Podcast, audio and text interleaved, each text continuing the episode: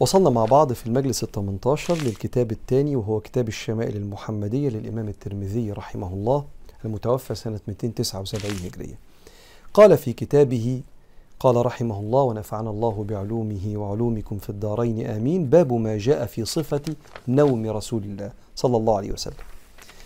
قال عن البراء بن عازب أن النبي صلى الله عليه وسلم كان إذا أخذ مضجعه لما يخش ينام يعني يضجع وضع كفه اليمنى تحت خده اليم الأيمن وقال ربي قني عذابك يوم تبعث عبادك. فكان سيدنا النبي يخش ينام يحط إيده كده عليه الصلاة والسلام ويقول الذكر ده. وكان ليه أكتر من ذكر عليه الصلاة والسلام وهيجي دلوقتي. ولكن سيدنا البراء بيحكي لنا الذكر ده عن النبي عليه الصلاة والسلام. احفظه. اللهم قني عذابك أو ربي قني عذابك يوم تبعث عبادك. وقال عن حذيفة رضي الله عنها كان النبي صلى الله عليه وسلم إذا أوى إلى فراشه قال اللهم باسمك أموت وأحيا. وإذا استيقظ قال الحمد لله الذي أحيانا بعدما أماتنا وإليه النشور. وفي رواية باسمك اللهم أموت وأحيا. يخش السرير وكده باسمك اللهم أموت وأحيا. ولما يصحى الحمد لله الذي أحيانا بعدما أماتنا وإليه النشور. لأن الإنسان نفسه تصعد إلى الله لما بيكون نايم وبترد إليه نفسه لما بيصحى. فكأن زي ما النبي قال في الحديث إنكم تنامون إنكم تموتون كما تنامون وتبعثون كما تستيقظون. فالإنسان بيسموها الموتى الصغرى النوم ده. فلما الإنسان بيفوق كده من النوم الحمد لله الذي أحيانا بعدما أماتنا وفي يوم من الأيام هنام نومة اللي هي الموت يعني واصحى على يوم القيامة يوم النشور. النشور يوم تنشر الكتب تتفتح وكل واحد يقرأ حسناته وسيئاته. فاسمه يوم النشور إذا الصحف نشرت. ففي يوم من الأيام هصحى على يوم القيامة. فيا رب كأنه إيه بيفكرنا إن إحنا لما ننام كل يوم نفتكر صحية يوم القيامة فكأنه بيخلينا نستحضر يعني لقاء ربنا. وعن عائشة رضي الله عنها قالت كان رسول الله صلى الله عليه وسلم إذا أوى إلى فراشه كل ليلة جمع كفيه. كده يعني نفث. ما بين النفخة وما بين أن يطلع مية.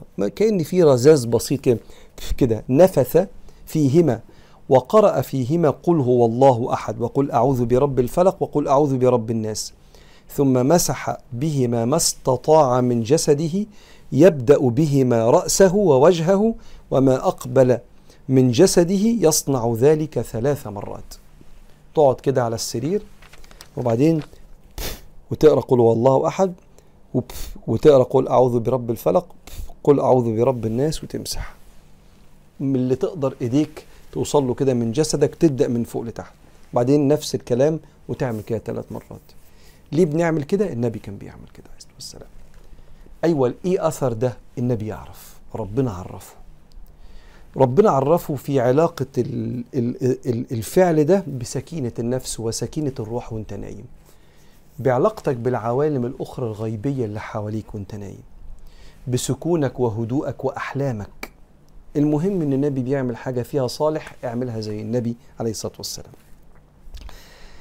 عن ثابت عن أنس بن مالك أن رسول الله صلى الله عليه وسلم كان إذا أوى إلى فراشه قال الحمد لله الذي أطعمنا وسقانا وكفانا وآوانا فكم ممن لا كافي له ولا مؤوي.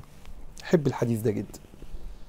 كان النبي عليه الصلاة والسلام قبل ما يخش كده قبل ما ينام وهو قاعد كده على الفراش كده إذا أوى إلى فراشه يفتكر فضل وكرم وسعة عطاء ربنا طول اليوم.